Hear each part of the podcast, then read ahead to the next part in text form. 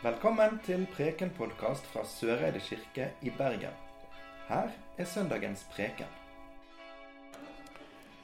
Nå tenker jeg at de fleste av oss har rydda ut jula.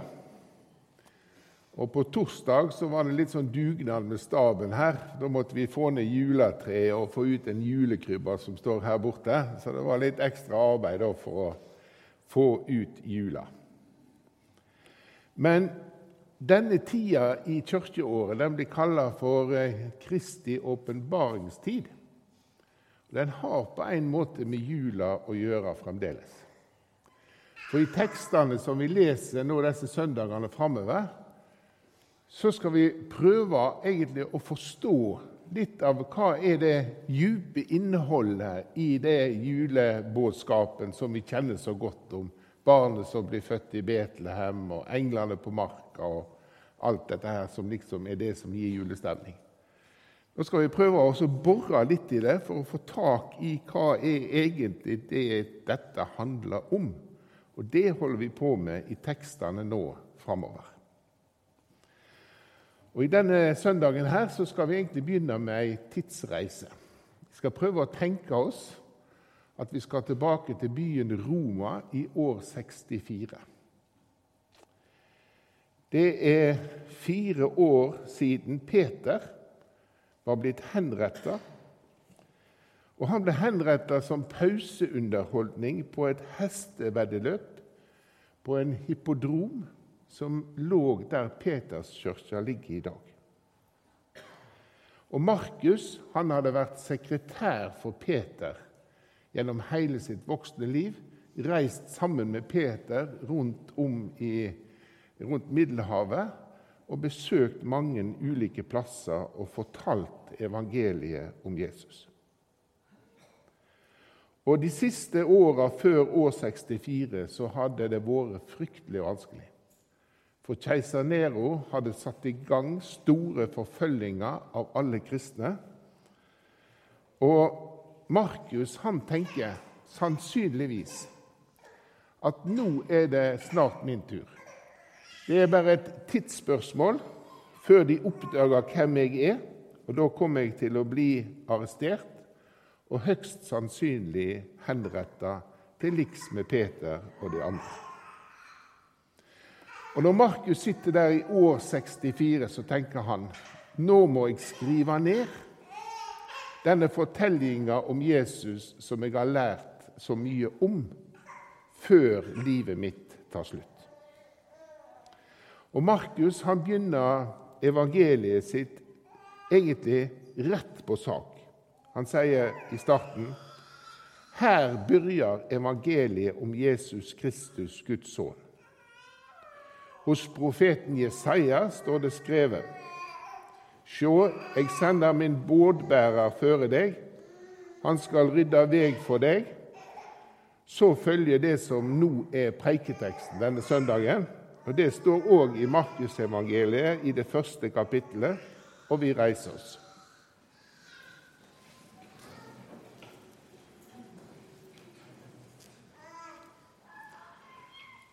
Ei røyst roper i øyemarka. Rydd Herrens veg, gjer stigane hans rette. Slik sto døyperen Johannes fram i øyemarka.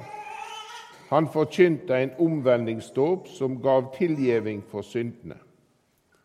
Fra hele Judea og Jerusalem drog alle ut til han. De sanna syndene sine og ble døypte av han i Jordanelva. Johannes gikk i ei kappe av kamelhår og hadde et lerbelte om livet, og han levde av grashopper og villhonning.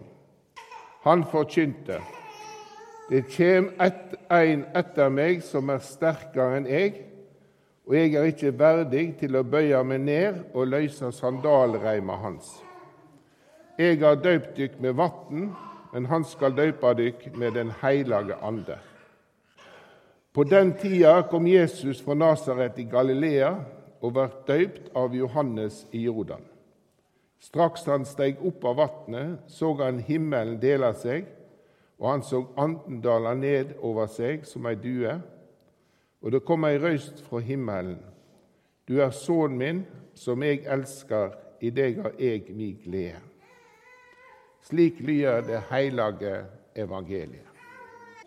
Markus, når han skal begynne sitt evangelium, så begynner han altså med en referanse til de gamle profetiene om hva som skal hende når Messias kommer. Han begynner med dette imperativet 'Rydd veg for Herren, gjør hans stiger rette'. Og Der ute som jeg bor, i Bergen vest, der kjører jeg hver dag gjennom byggeområdet til det nye Sotrasambandet.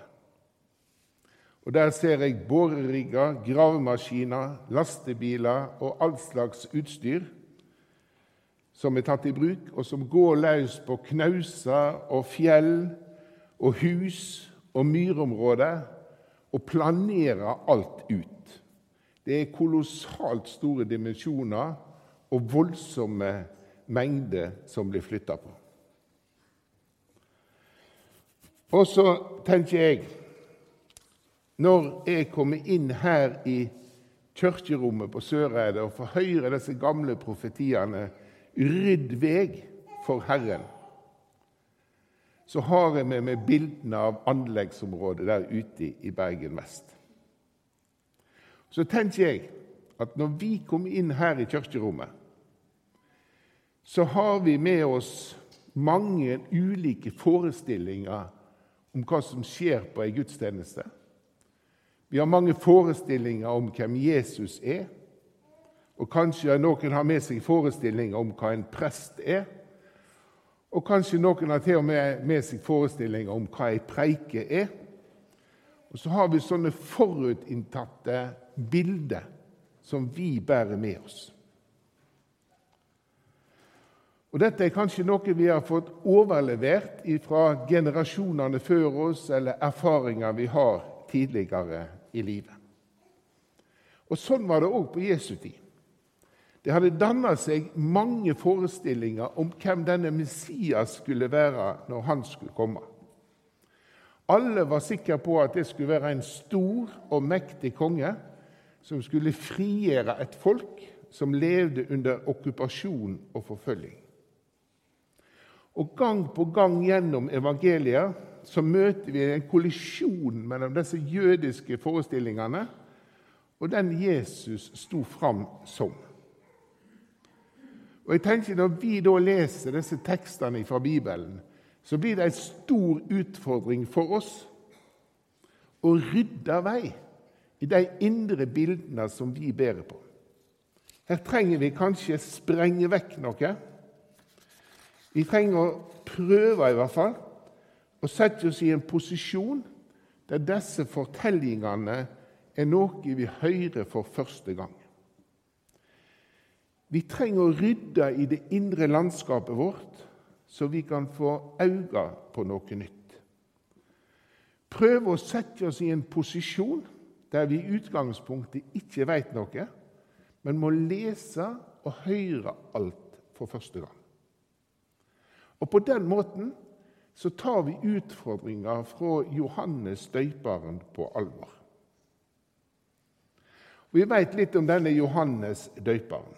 Han er skildra på flere måter i Bibelen, men òg i andre historiske kjelder fra samtida. Han var nok en person vi ville oppfatte som nokså eksentrisk. Han levde av naturen og kledde seg i ei kamelhårskappe. Og Budskapet hans det var enkelt og tydelig. En kunne komme ut i ørkenen til han hvis en ville begynne livet sitt på nytt. På en måte Gjøre en restart på hele livet. Han forfekta en veldig streng moral, og alle som ville følge han, de måtte forplikte seg til å leve på en spesiell måte. Og Nøkkelen til å bli en del av dette fellesskapet, det var den dåpen som Johannes praktiserte. Gjennom dåpen så ble en på en konkret måte vaska rein for alle syndene sine og tilslutta dette nye fellesskapet. Jeg tror vi kan på mange måter sammenligne Johannes' si forkynning med et nyttårsforsett. Nå skulle en ta seg sammen, nå skulle livet bli annerledes, og en skulle leve på ny, og egentlig leve på en helt perfekt og feilfri måte. Og Johannes sin dåp representerte overgangen til det. Og Dette ble veldig populært. Det var mange som dro ut i øyemarka og ville høre på han. Mange som slutta seg til han, mange som gikk i lære for å forstå mer av det som Johannes forkynte. Men så var det noe i Johannes sitt budskap som var vanskelig å få tak på. Johannes snakka stadig vekk om en annen person som skulle komme. En som var mye større og viktigere enn Johannes. Og så en dag dukka denne personen opp. Den som Johannes har snakka så mye om. Og det er Jesus. Og Fra andre evangelium skal vi lese mer utførlig om den dialogen mellom Johannes og Jesus.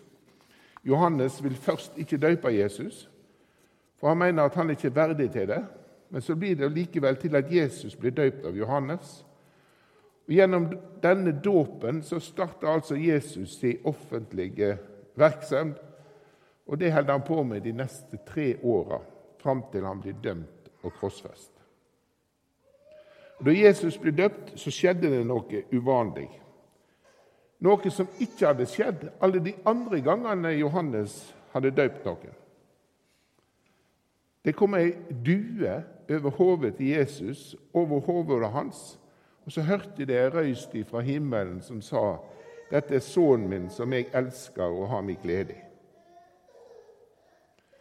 Og Det er jo vanlig å oppfatte det som skjer her, det er at Gud bekrefter enda en gang at Jesus er Guds sønn. Og Det er på en måte en forlenging av det englene sier til gjeterne på Betlehemsmarka når de sier til gjeterne i dag er det født ikke en frelser i Davids by. Han er Messias, Herren.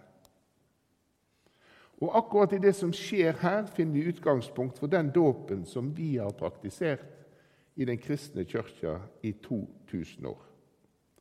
Den samme dåpen som Billy Pauline og Mina Olivia har tatt imot i gudstjenester i dag. Men de er ikke døpt med Johannes sin dåp, de er døpt med Jesus sin dåp. Og hva er forskjellen på de to tingene? Markus gir oss et hint i teksten, der Johannes sier jeg har døpt dykk med vann, men han skal døype dykk med Den hellige ande. Men hva i alle dager betyr det?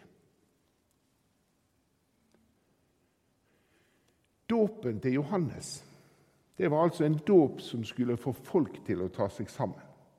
Akkurat som et nyttårsforsett.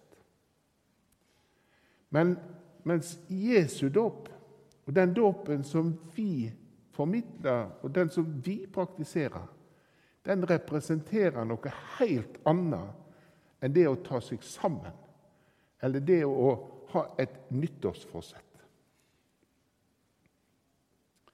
Og Dette blir understreka i som, de ordene som jeg leser når jeg legger handa på hodet etter barnet er døpt. Da sier jeg den allmektige Gud har i dåpen gjeve deg sin heilage ande, født deg på ny og tatt deg inn i sin truende kirkelig. Han styrker deg med sin nåde til det evige liv. Den dåpen som vi praktiserer, det er en dåp som formidler at Gud tar imot oss akkurat sånn som vi er, med hele oss, og møter oss med sin kjærleik helt uten vilkår. Og Det blir veldig tydelig når vi døyper barn i ei gudstjeneste. Barnet som blir døpt, kan ikke gjøre verken noe til eller fra. Det har ikke et språk å sette ord på at det har noen nyttårsforsetter, og det barnet skal ikke ta seg sammen. Det skal bare få lov å være og få lov å ta imot Guds kjærleik og Guds nåde. Og sånn er det Gud møter oss, med sin kjærleik, helt uten vilkår. Og gjennom dåpen så blir det åpna en kanal fra Gud til oss mennesker, mellom meg som enkeltindivid og det guddommelige. Og For å bruke et bilde Johannesdåpen og nyttårsforsettet det er som om jeg skulle fått utdelt en mobiltelefon. Men det er Den hellige ande som gir meg dekning på den mobiltelefonen. Som gjør at jeg kan komme i kontakt med noe større, noe mer. Det er den anden vi får i dåpen, som gjør oss i stand til å leve et liv der vi kan rekne med og teikne en himmel over tilværelsen vår. Det er Anden som gir oss evner til å kunne ha et håp om at de vi må ta farvel med i dette livet, de skal vi få møte igjen på den andre sida. Og det er Den hellige ande som gir oss den evnen at vi kan åpne oss opp for et fellesskap med Gud og et fellesskap med hverandre. Og Det kommer veldig tydelig til uttrykk når vi feirer nattverd i gudstjenester. For nattverden er ingen premie fordi du har klart å ta deg sammen. Tvert imot. I brød og vin så møter vi på nytt den vilkårsløse kjærleiken som omfavner oss og tar oss inn i dette nådens fellesskap. Det er det vår dåp djupest sett handler om. Eller slik som vi las fra Efeserbrevet. I Jesus Kristus har vi fridommen, kjøpt med Hans blod, tilgjeving for syndene. For så rik er Guds nåde, som Han det strøymer over oss med all visdom og forstand. Ære være Faderen og Sønnen og Den hellige ande som var, er og være skal, en sann Gud fra evig og til evig. Amen. Du har nå hørt Preken-podkast fra Søreide kirke i Bergen. Følg oss gjerne på Facebook og Instagram, eller gå inn på vår nettside kirken.no soreide. Takk for at du hørte på.